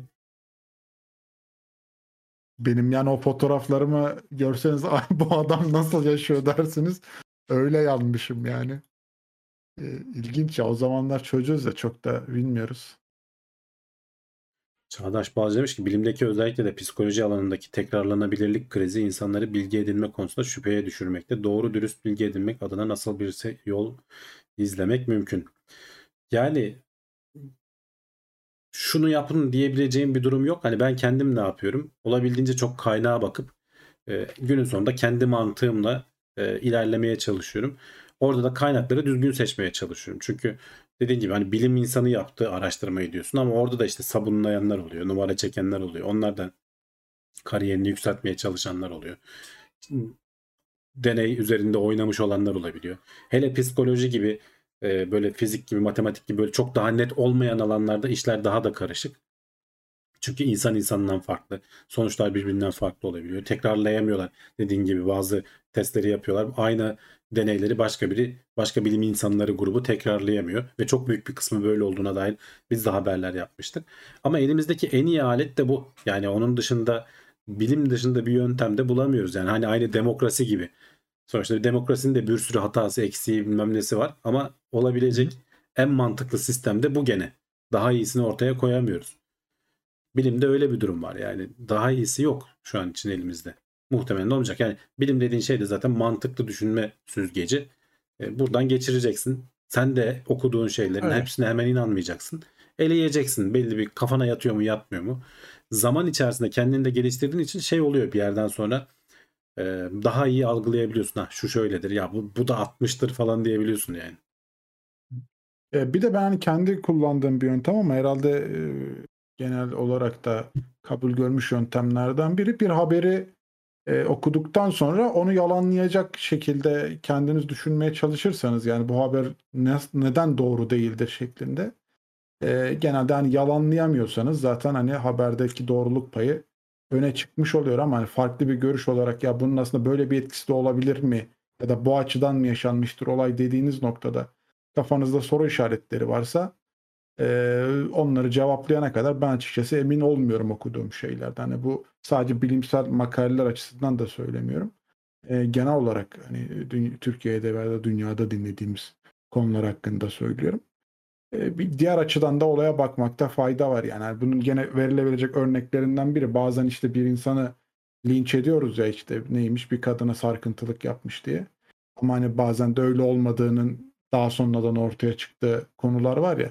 İşte onlar gibi konularda bazen bu konuya dikkat etmek lazım. Acaba farklı bir mevzu var da olay bu yüzden mi gerçekleşmiş? Yani kadın işte o adama takmış da o yüzden mi onu bir yerde suçlu göstermeye çalışmış gibi düşünürseniz genelde bazı konularda işe yarıyor. Tavsiyede bulunmuş olayım.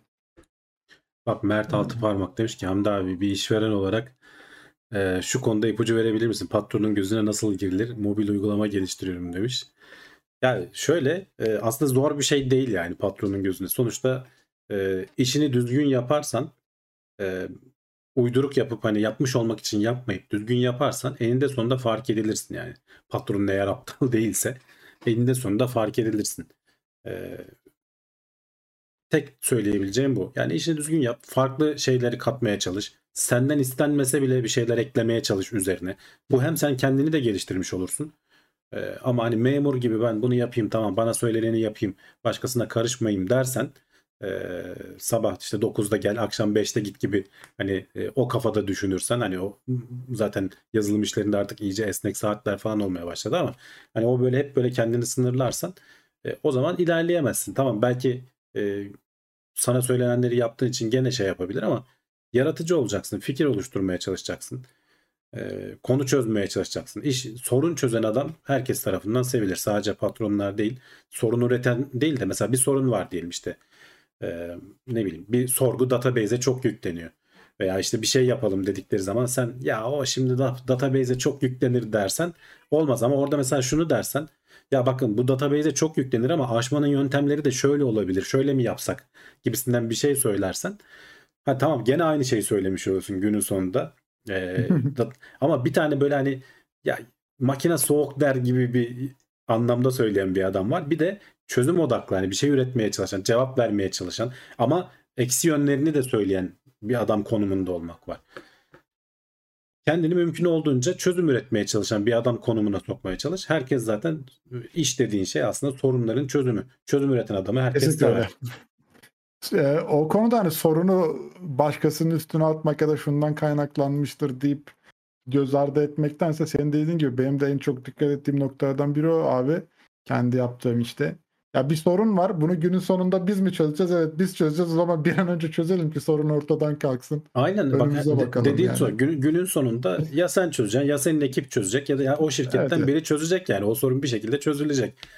O yüzden yani, e, ne kadar erken bir şey yapsan. önce yapalım. Evet, hatta de. hatta Önümüze sorun ortaya bakalım. çıkmadan mesela bir yerden sonra tecrübe kazanıyorsun. Şeyi anlayabiliyorsun. Hmm. Ya müşteri bunu görür diyorsun mesela. Sorun ortaya çıkmadan o sorunu çözebilirsen daha da iyi yani. Öyle. Kesinlikle. Eee, şeyi atlamışız bir okuyalım da hakkını yemeyelim. Brave Mega Destek grubuna gelmiş. Çok teşekkür ederiz desteği için. Eee, ve yine, eee, Serkan, eee, şey Serhan ikinci bir aydır üyeymiş. TeknoSeyir Plus grubuna gelmiş. Böyle bir program yaptığınız için çok teşekkürler. Türkiye'de özellikle genç insanlar arasında bilime büyük bir açlık ve merak var gibi görünüyor demiş. Eee, teşekkür ederiz bu güzel yorumu için. Merkez bankalarının 2030'a kadar dijital para birimlerine döneceği yönünde bir haber vardı bugün. Bu karar kripto para birimleri arasındaki ilişkiyi dolaylı olarak daha grift hale getirmeyecek mi? Ya şöyle aslında hani merkez bankalarının şu an oluşturduğu para zaten aslında dijital para, gerçek para değil. Eskisi gibi para basmıyor merkez bankaları. Hani bir basıyorsa 9 tanesi, 10 tanesi dijital oluyor. O anlamda bu dijital paranın blockchain üzerinde olması veya işte şey üzerinde olması ne bileyim bankacılık sistemi üzerinde olması bence fark etmez. Burada belki hani e, şeyler blockchain üzerinde olması biraz bir hevesmiş gibi geliyor bana. E, bu merkez bankalarının desteklediği e, coinler gibi bir terim var. E, bu sanki bana bir heves gibi geliyor. Ben açıkçası tam olarak mantığını kavrayamıyorum. Ne işe yarayacak? Yani blockchain'de 1 lira olsa ne olur mesela? Hani vardı öyle bir proje diye düşünüyorum. Yanlış hatırlamıyorsam 1 lira diye bir proje vardı. Diyelim ki öyle bir blockchain üzerinde 1 lira diye bir proje var. Biz bunu günlük hayatta kullanmadıktan sonra bize bir faydası olmadıktan sonra niye kullanalım? Şimdi kredi kartı sistemi çalışıyor gayet de iyi. Bankalar bankalar bir şekilde dünyanın her yerinde geçerli bir sistem yapılmış. Bunun yerine kolay kolay alabilecek bir sistem. Tam blockchain'e biraz şey hani Levent'in bir lafı vardır ya e, kendine çözüm arayan e, sorun diye. Neydi öyle miydi? Yok. so, kendine sorun arayan çözüm. Hani blockchain diye bir çözüm var kendine sorun arıyor. Öyle bir durum söz konusu orada. Tam böyle neyin çözdüğünü şey yapamıyoruz. e, hala yani uz- uzunca bir zaman geçti. Bitcoin falan tabii ki bir yere gitmeyecek. E, alternatif hani kullanım alanları falan artıyor. Ama o bir ara oluşturdukları hype kadar da ortaya bir şey çıkmadı gibi geliyor bana. 2030'a kadar neler olur bilmiyorum göreceğiz. O çok iyi bir laf ya. Yani ben bir şey buldum ama bunu nerede kullanırız bilmiyorum. Evet evet yani blockchain biraz öyle. Biraz böyle işte çatı kelimeler oluyor. Bazen yapay zeka da öyle. Blockchain de öyle. Bir ara meta, metaverse deli gibi ne Evet, oldu? Kayboldu gitti yaz, mesela. Tamam bitti gitti konu kapanmıştır yani. Evet evet yani bunları kullanmak için herkes yani yeni projeye başlarken böyle keywordler bunlar böyle yazılır ardarda. arda. Gerçek anlamda bir işe yarar mı yaramaz mı belli değil.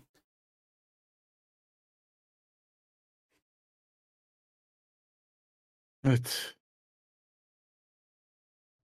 Brave demiş ki şirkete para kazandıracaksın. E tabi. Sonuçta çözüm üretmek dediğimiz o. Eğer şirkete para kazandırıyorsan patron da aptal değilse e, seni kaçırmamak için şey yapar elinde tutar. E, Ali sormuş belki konu dışı olacak ama teknosferi deyince hep en çok hayran kaldığın şey ne olmuştu Hamdi abi demiş. Vallahi hatırlamıyorum ki hiç öyle. Şu, şu da muhteşemdi dediğim bir şey hiç aklımda yok. Var mı Ha, senin hani Oculus, fal- senin? Oculus falan iş- incelemiş miydin abi sen? O incelemede var mı? Ya ben kendim incelemedim hani ama ofise gelen ürünleri falan kurcaladığımız oluyordu zaten. Tabii ki o e, işte gözlükleri, VR'ları falan kullandık ama hani böyle muhteşem diyeceğim bir şey olmadı. Şey Hmm. çok güzeldi. O VR'da mesela e, oyunlar falan öyle çok ilgilendirmiyor da şey e, zombi oyunları hakikaten insanın elini ayağını kesiyordu yani o, o hissi yaşadım. Ha, Korkutuyor üstüne yani. üstüne geliyordu diyorsun. Zaten hani tedirgin bir insan. Sevmem öyle Prey Mrey gibi böyle veya işte ne bileyim Alien Isolation var mesela. Onun incelemelerini bile izleyemedim ben de. Çok o kadar. zıplatıyor beni yani. Hiç sevmem yani öyle Alien falan bir yerden bir şey fırlayan gerilim filmlerinden de hoşlanmam. O şeyi gözlüğü takıp kulaklığı falan da takıp o, o zombilerin Ortama üzerine girince. kendini kaybediyorsun yani. O hakikaten seni o ortama sokuyor. Ama onun dışında da hani diğer oyunlar falan da öyle muhteşem bir seni içine çeken bir heves, heyecan vermemişti bana açıkçası. Hmm, ilginç. Bilmiyorum ya Onun ben dışında diğer e, ürünler hani düşünüyorum da ya ekran kartları, bilgisayarlar bilmem neler hani çok da öyle ilginç ne inceledik biz çok değişik süper dediğimiz bir şey. Senin aklına geliyor mu? Ya bilemedim ya benim aklıma ilk hani VR cihazlar geliyor çünkü ben de hani ilk şey yaptığımız zaman böyle bunların telefonunu böyle üstüne takıp önüne takıp kullandığım modelleri vardı abi az çok hatırlarsın böyle. Telefonunu ekran olarak kullanıyordu. Mesela orada ben o zamanlar bile o videoları deneyimlediğimiz zaman işte roller coaster'ları falan çok ya vay be ne kadar içinde gibi diyorduk. Ee, şimdi işte direkt gözlükleri çıktı. Ee, işte yakın zaman diyeyim yakın zamanda falan da yeni bir arkadaş Oculus getirmişti. Onu denemiştim. Ee, çok şeyime gidiyor yani o deneyim farklı bir dünyadasın hissi dediğin de dediğin gibi içine alıyor adamı. Evet evet. Özellikle güzel Ama işte bir süre sonra yani. rahatsız da ediyor yani o çok da uzun kullanıma uygun o olmuyor. kesinlikle öyle. Kesinlikle öyle hani ona bir şey demem. Bak Orada gene Mert altı var. parmak sormuş. 8-10 yaşındaki çocukları nasıl yazılıma yönlendirebiliriz? Ne öğretsek yeridir diye. Yani onun için hani bir sürü işte e, şeyler var. Neydi uygulamanın ismi? Scratch Ne falan gibi şeyler var. Hani çocuklara Hı. falan kodlamayı böyle yazma değil de böyle blokları çekerek birleştiriyorsun. E, bayağı kodlama yapıyorsun ama döngüler möngüler falan. Orada işte ekranda kediyi mediyi oynattırıyorsun. Bir ton başka şey yapabiliyorsun. Scratch çok yetenekli bir şey ve tarayıcı üzerinden çalışıyor. O, onunla başlayabilirsin. Onun, onunla ilgili şeyler. Roblox diye bir şey var. Ee, bambaşka bir dünya. Çocuklar deli gibi oradaki oyunları oynuyorlar. Oradaki oyunları yapabiliyorsun. Hatta para da kazanabiliyorsun. Onu onu heveslendirmeye çalışabilirsin ama biraz zor yani. Hani orada artık gerçekten programlamaya girmeye başlıyorsun. Ama başlangıç hani sıfır şey için Scratch falan gibi şeyler. Onun alternatifleri falan da var. Code Blocks mu ne öyle şeyler var. Oralara Hı hı. baktırabilirsin. Biraz orada öğrendikten sonra e, Roblox gibi veya işte hatta belki işte Unreal gibi, Unity gibi işlere bile girilebilir. Biraz da çocuğun içinde olacak. Ya kendisi merak edecek. Ben de zamanda deli gibi bilgisayar oynasın. Hani oyunları oynasın. Onları e, bir süre sonra ben de yapmaya nasıl yaparım diye düşünmeye başlıyor çocuklar. Ben o yüzden hani oyun oynamalarına falan şey yapmıyorum. Engel koymuyorum. İstedikleri gibi oynasınlar. Ben de çünkü çocukken 8-10 saat oynardım yani. Başında bıraksan. Sonra bir yerden de sonra heve- kendim şey yazmaya başladım işte. O zamanlar internet falan da yoktu. Düşünsene yani kitaplardan basic falan yazmaya çalışırdım. şeyler sürümler tutmazdı. Kitapta verilen örnek benim, benim bilgisayarımda çalışmazdı. Körlemesine uçmaya çalışarak buralara geldik yani. Bir de tamam Şimdi- gerçekten heves var mı ona da bakmak lazım. Belki Evet. gerçekten farklı bir alanda e, ilgili ve odaklı biri ama sen özellikle onu dayatmaya çalışırsan ters tepki de tepebilir.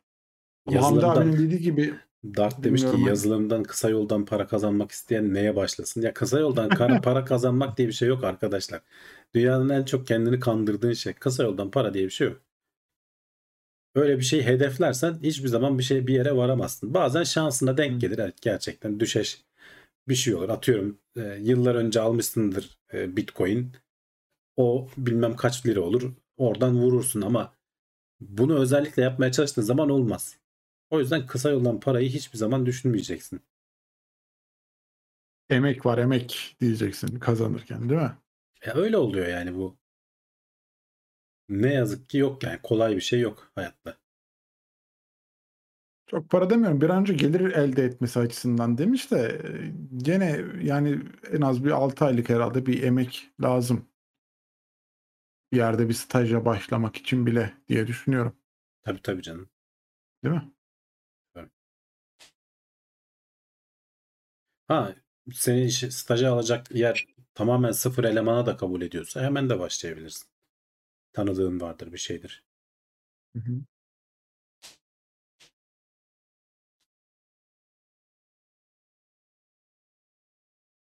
Şey varmış abi sen biliyor musun bilmiyorum Dedekind sayısı. Ney sayısı? Dedekind mi? Dedekind sayısı mı? Neymiş o? İşte ben de bilmediğim için belki sen biliyorsundur diye sorayım Yok, hani ne olduğunu bir O, örnek. e, dokuzuncusu 32 yıl sonra bulunmuş da öyle bir haber Ha, ha. okumuştum.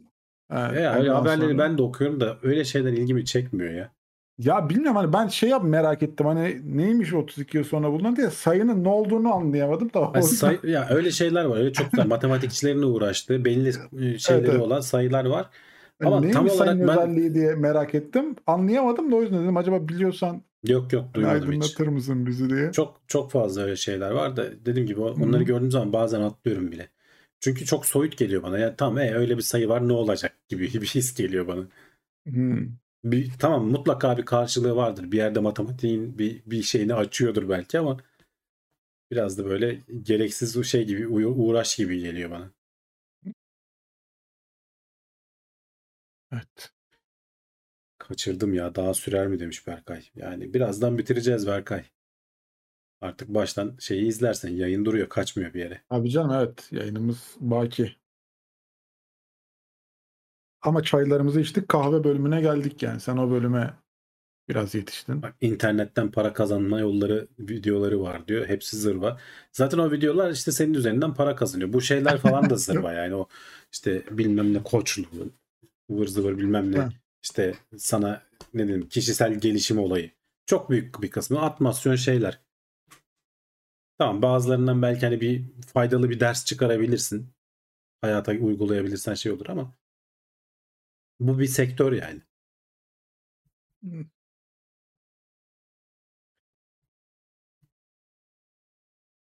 şeyler de biraz öyle bana öyle geliyor. Hani bu Bitcoin, Bitcoin falan anlatan böyle işte borsa morsa analizi yapan adamlar var ya habire. Ulan abi süper borsa analizi yapıyorsan veya süper coin analizi yapıyorsan oyna kendin kazan.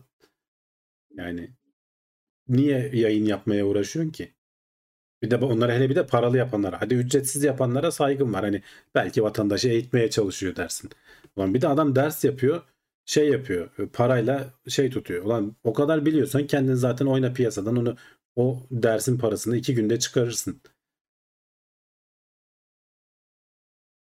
Yani Hani mantığını anlatanlar vardır falan onlara bir şey demiyorum. Hani sonuçta bir temel mantığını anlatıyordur ama böyle bir sana bu işin sırrını veriyorum gibi yaklaşanlar tamamen şarlatan yani.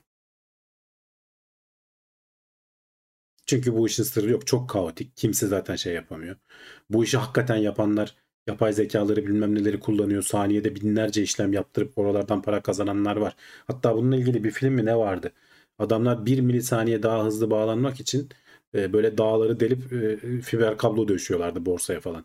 Milisaniyeleri şey yapabilmek için yani. Bunu hakikaten yapanlar var. İşte borsa merkezine yakın yerlerde e, sunucu kiralıyorlar bilmem ne yapıyorlar falan. Bunun peşine düşenler var. E, ama onun dışında işte ekrandaki şeylere bakıp falan falcılık gibi biraz yani. Tutturduğu zaman bak nasıl söyledim de tutturdum diyor. Battığı zaman da hiç ki gündeme gelmiyor bile. Değil mi?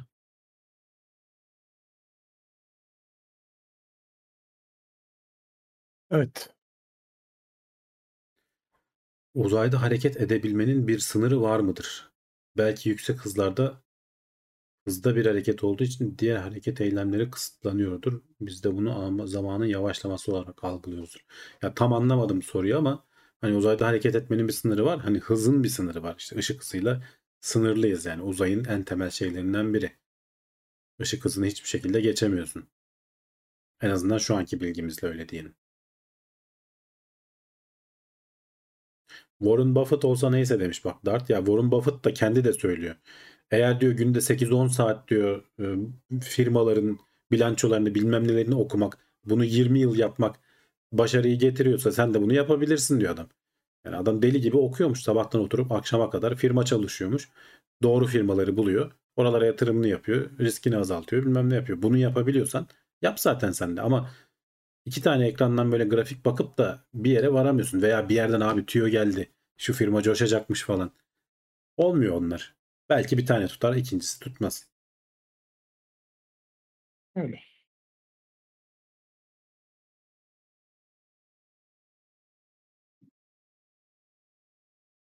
Yazılımı öğrenmeye Yo- çalışırken ekip topladım. Ortaya TR Tools Pro çıktı. Ben öğrenemedim yazılımı. Satış pazarlamacısı oldum. Tanımını yaparken, bul, tanıtımını yaparken buldum kendimi demiş. Mavi tikli olur. Yani senin güçlü olduğun kısım da odur yani. Niye olmasın? Ne güzel. Pazarlama da çok önemli sonuçta.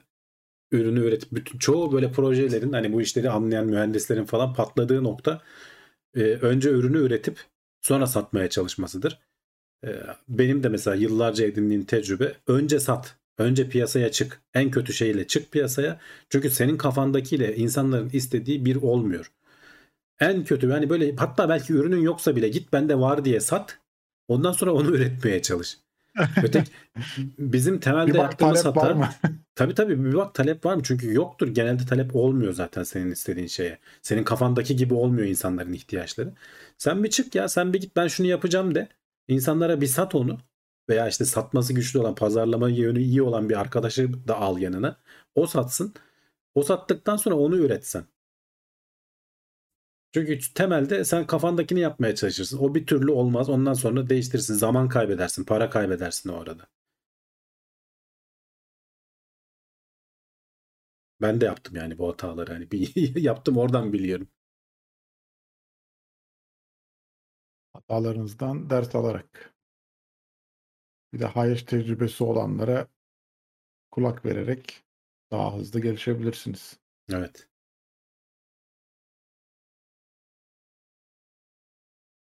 Şu şeyi hatırlatırız diye bir ara söylemiştik ya Veritasium kanalını hatırlıyor Hı hı. musun YouTube'da? Evet. Ee, onların şu ne diyelim ona Maze Mouse mu diyelim? Maze Mouse diye bir şey vid- videoları var. Hmm. Yine onu söyleyelim Yani buradan. şeylerin robotik alanında e, bir yarışma var. E, uzun yıllardır yapılan. E, en hızlı bir şekilde işte şeyi çözme yarışması. Labirenti çözme. Labirenti çözme yarışması. Onunla ilgili böyle çok ilginç tekniklerinin de falan da anlatıldığı bir videosu var. Veritasium'un son sondan ikinci ya da üçüncü videosu olması lazım. Hı hı. Merak edenler baksın. Şeyi de gene hani böyle bir gelişmenin tam bitti ya bundan daha ötesi olmaz dediğin noktada yine farklı bakış açılarının Evet, bir yaratıcı biri ne çıkıyor. kadar değerli olduğunu gösteren noktaları da var.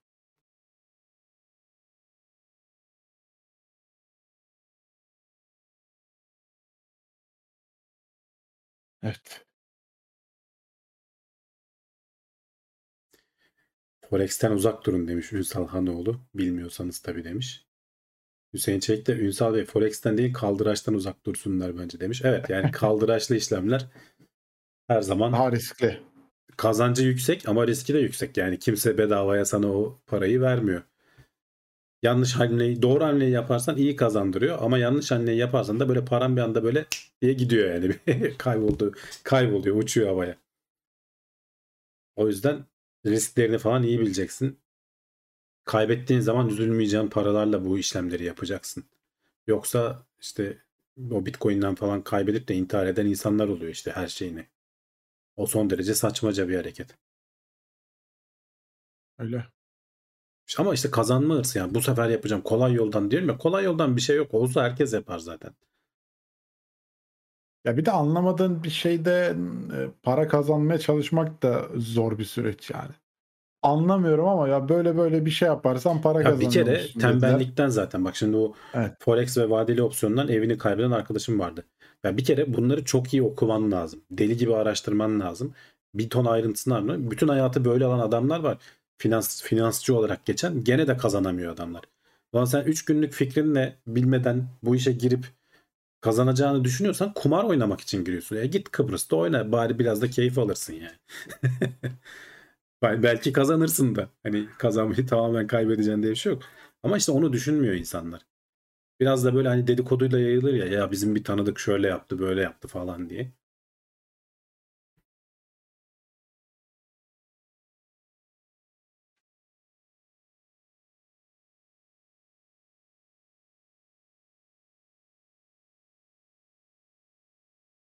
Borsaya girecekseniz bankaları kullanın demişler de. Gökçe Özlü demiş ki bu bu saniyelik satımlarla ilgili bir sorun var. Bankalar hem komisyon alıyor hem de bazen 1-2 gün sonra işleme alıyor emri. Bu satımlar mı Forex ile yapılıyor? Şimdi Forex e, kurlar Paranın arasındaki olan evet evet yani dolar TL, dolar işte e, Kanada doları, Euro, dolar. Yani aklına gelebilecek bütün paraların, para birimlerinin birbirine karşı olan parite farklarını oynamak. Yani mesela nasıl biz biz de aslında gündelik forex oynuyoruz. Ne yapıyoruz? Dolar alıyoruz hepimiz. Niye? Çünkü Türk lirasının dolara karşı değer kaybedeceğini biliyoruz. Değerini korumak için herkes dolar alıyor. İşin kötüsü ekonomi de böyle bir kendi kendini etkileyen bir şey. Herkes dolar alınca gerçekten de doların değeri yükseliyor TL'ye karşı. Aynısını Forex'te ekranda şey yapıyorsun. Kanada doları veya Euro'ya karşı işte Euro yükselecek diyorsun dolara karşı. Euro alıyorsun. Dolar yükselecek diyorsun. Dolar alıyorsun. Bu aralardan para kazanmaya çalışıyorsun. Hani borsa farklı. Borsada bildiğin hisse senetleri var. Firmalar var. Firmalara karşı firmaların değerleneceğini firmaya düşünerek yatırım alıyorsun. yapmış oluyorsun. Yatırım yapıyorsun. yani. Küçük hissedarı oluyorsun firmanın hani küçük de çaplı. Forex'te öyle değil. Olsun. Forex'te tamamen e, para birimleri arasında birinden alıp Ya, birine hani yatırıyorsun bir de gibi bir değerli durum var. madenler de yani hani gene altın falan da var. Petrol hani değerli E tabii madenler işte aynen de. işte yani Ha. petrol yükseleceğini düşünsen aslında opsiyon dediğinde ileri dönük e, petrol işte atıyorum yazın sonunda şu kadar olur deyip o opsiyonları alabiliyorsun. Onların ikinci elden ticaretleri bilmem neleri falan var. Yani aslında çok karmaşık büyük sistemler. Yani bunları hakikaten anlamak için çok iyi çalışmak lazım. Kafayı kırmak lazım. O da kolay değil yani. Bir yazılımcı olmak kadar hakikaten zor yani bu işler. Çok ayrıntısı var. Çok çakallığı var. Öyle. Ve piyasada Anlamadan kaotik. Ve, ve piyasada günün sonunda kaotik. Çünkü pek çok oyuncu var. Herkesin bir işte şeyi var. E, ne denir bir ajandası var. Bir ön planı var kendine göre. Karlılığını arttırmaya çalışıyor. Günün sonunda bir şey oluyor anlamayabiliyorsun bile. Lan bu dolar niye düştü diye. Ona bir anlam vermeye çalışıyorsun falan. Öyle. Yatırım tavsiyesi değil demiş Ünsal Hanoğlu. Hiçbir tabi biz hatta tam tersine dikkatli olun diyoruz. Yatırmadan önce iki kere üç kere düşünün. Şey var ya zaten e, bu, Bu saniyelik işlemler Forex- nasıl yapılıyor diye sormuş Gökçe Özlü. Bunlar Hı. otomatik yapılıyor. Yani bunları yapan makineler var. Bu saniyelik işlemleri anlık olarak binlercesini alıp binlercesini satıyorlar. High frequency trading deniyor buna. Yüksek frekanslı yani dediğim gibi saniyede binlerce işlem. Bunlar insanlar tarafından yapılmıyor. O yüzden de dediğim gibi borsaya yakın yere bağlamak istiyorlar ki e, çünkü bir başkasından bir milisaniye önce sen o işlemi verdiğin zaman onun önüne geçmiş oluyorsun. Böyle durumlar söz konusu. Yani tam ayrıntısını da şimdi anlatamayacağım. Ben de o kadar hakim değilim. Bunu robotlar bilmem neler yaptığı için bazen işte algoritmalar sapıtıyor. Bir anda mesela bir şeyin değeri çok ciddi düşebiliyor. Onda diyorlar işte hatta insanlar olarak biz sonradan hani piyasaya bakanlar anlam vermeye çalışıyoruz. Ya burada işte algoritmalar bunu farklı şey yaptı böyle tanrıları kızdırdık gibi bir şey oluyor. Yani orada anlam veremediğimiz bir hareket oluyor. Hiçbir sebep yokken düşüyor bir şey. Orada işte artık iş e, şeye dönmüş durumda. Yüksek volümlü ticarete dönmüş durumda. İnsanların elinden biraz çıktı.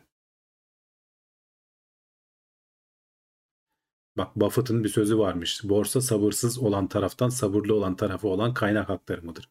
Güzel bir laf doğru. O da güzelmiş. Bu işlere girenlerin, Forex'e girenlerin %90'ı 95'i parasını kaybediyor. Onu bilerek gireceksin. E Zaten e, şey sitelerde falan genelde hani o oranı veriyorlar işte hani bu siteden işlem yapan Tabii. kullanıcıların şu kadarı Forex'ten para kazanamamış batmıştır diye oranlar var çok ilginç bir şekilde. Ya bir de hırslı o- olmayacaksın. Çok büyük beklent. Sen şimdi küçücük paranı çok büyük hale getirmek için çok büyük riskle giriyorsun. Kaybediyorsun. Milyar dolarlık fonu yatıran yöneten adamlar çok küçük şeyleri hedefliyorlar. %1'i hedefliyor, 2'yi hedefliyor normal işte enflasyonun üzerine. O zaman o adam kaybetmiyor veya riskini az, az almış oluyor. Ama biz bir de paramız küçük zaten. Onu büyütmek için deli gibi riskle girince e, o risk zaten kaybediyorsun yani. Öyle öyle.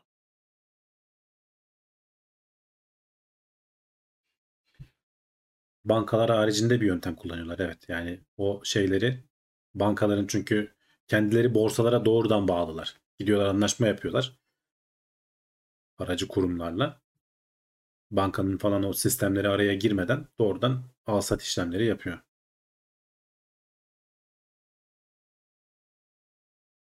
Heh, bak benim söylediğim film buydu galiba. The Hummingbird Project. Saniyelik Neyle işlemler alakalı konusunda. İşte bu saniyelik Hmm. işlemler konusunda hatta ben de onu şöyle ismini kopyalayayım. Bakalım. Humi- Hummingbird bu sinek kuşu. Hani böyle saniyede kanatlarını bilmem kaç bin kere çarpıyor ya. Oradan şey yapmışlar. Esinlenmişler. 2019 yapımı diyor.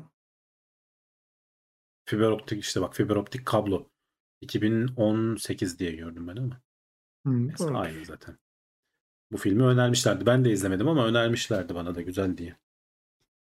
IMDb'si biraz düşük gibi ama Bak Hüseyin Çelik de demiş ki ki o dev fonların dev gibi hedge pozisyonları var. Evet yani kendilerini güvene de alıyorlar karşılıklı bir yere yatırım yapınca orada hani olur da bir şey kaybederse ters tarafa başka bir yatırım da açıyorlar ki zararlarını dengelesinler. ultra karışık işler. Ya bu ekonomi işi ilginç bir iş. Benim çok ilgimi çekiyor. Çünkü işin içerisinde e, insan davranışları da var. Ekonomi biraz öyle bir şey. Hani sen mesela hani bankaları işte atıyorum şu X bankası batacak dediğin zaman öyle bir şaya yayıldığı zaman herkes gidiyor parasını çekiyor. Batmayacak banka gerçekten batıyor. Geçenlerde yaşadık işte bu Amerika'daki batan bankalardan Silicon Valley Bank mıydı neydi? Biraz da söylentinin kurbanı oluyor yani. Herkes parasını çekmeye kalktığı için bankayı batırıyorlar. Böyle ekonomi kendi kendini besleyen de bir süreç. Yani herkes bir şeye inanırsa gerçekten de o çalışmaya başlıyor. Çünkü insanların hareketleri onu oluşturuyor zaten. Ama genel döngüler de var. Hani altından kalkamadın. Dünyanın dönüşünün bile işte o ekinlerin hasat edilmesi, işte petrolün çıkarılması, savaşlar her şey birbirini etkiliyor. Çok böyle birbirine bağlı bir süreç. Anlam vermek yani bizim zekamız yeterli olmuyor. İçgüdüsel olarak hisseden, yıllarca bu işte şey yapan tecrübeli adamlar var işte. Onlar ba- bazen bir şeyleri iyi yakalayabiliyorlar. İlginç ilginç konular. Evet. Araştırıp sevenine. Ekonomi güzel. E hadi. Yani apayrı bir bilim ama dediğim gibi bir bilim yani hani devasa bir e, alan. Ayrı bir alan değil mi? Evet bu konu bitmez dediğin gibi yavaştan saat 11 olmuş kapatalım. Dükkan kapanıyor. Yatırım tavsiyesi değildir diye de bir daha notumuzu düşelim. Biri alır malır bir yerde. Bir şey de önermedik gerçi ama gene de söyleyeyim. yani. Dikkat edin arkadaşlar. Yani yok, girmeyin dedik ya zaten abi. Onu önerdik aslında. Ya ben girmeyin demiyorum hani girsinler. Önemli, Sonuçta bu da bir geçerli bir alan ama hani körlemesine değil bilinçli yapın. Hırsla evet, girmeyin. kesinlikle. Kolay yoldan kazanacağız diye bir şey yok. Öyle şeyleri unutun. Teşekkür ederiz izlediğiniz için buraya kadar. E, Teknoseyir'i desteklemek için e, aşağıdan bir beğen tuşuna basmayı unutmayın lütfen. YouTube'dan takip etmeyi unutmayın. Süper Chat, Süper Sticker gibi özellikleri kullanabilirsiniz. Katıl üzerinden abone olabilirsiniz diye tekrar hatırlatmış olalım. Haftaya bir aksilik olmazsa aynı saatte buradayız. Kendinize çok iyi bakın. Hoşçakalın. Hoşçakalın.